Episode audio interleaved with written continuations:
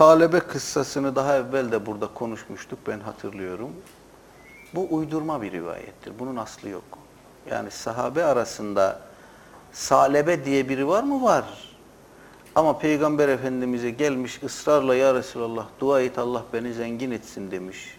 Efendimiz de onu başından savmış. Ama adam ısrarla gelince Efendimiz dua etmiş. Adam çok zengin olmuş.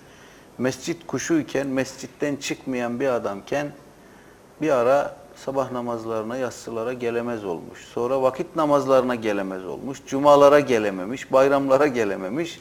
Nihayet Efendimiz zekat memuru göndermiş. Zekat memurunu adam kovmuş.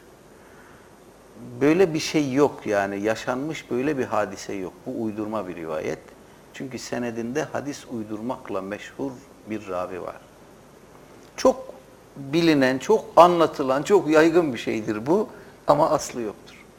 Sahabe-i kiram arasında böyle biri yoktur. Ha bu şu anlama gelmiyor. Önce Efendimiz'e iman etmiş de sonra irtidat etmiş, dinden çıkmış insanlar yok mudur? Vardır. Vardır. Sahabi tarifine bunlar girmiyor zaten. Sahabiyi biz nasıl tarif ediyoruz?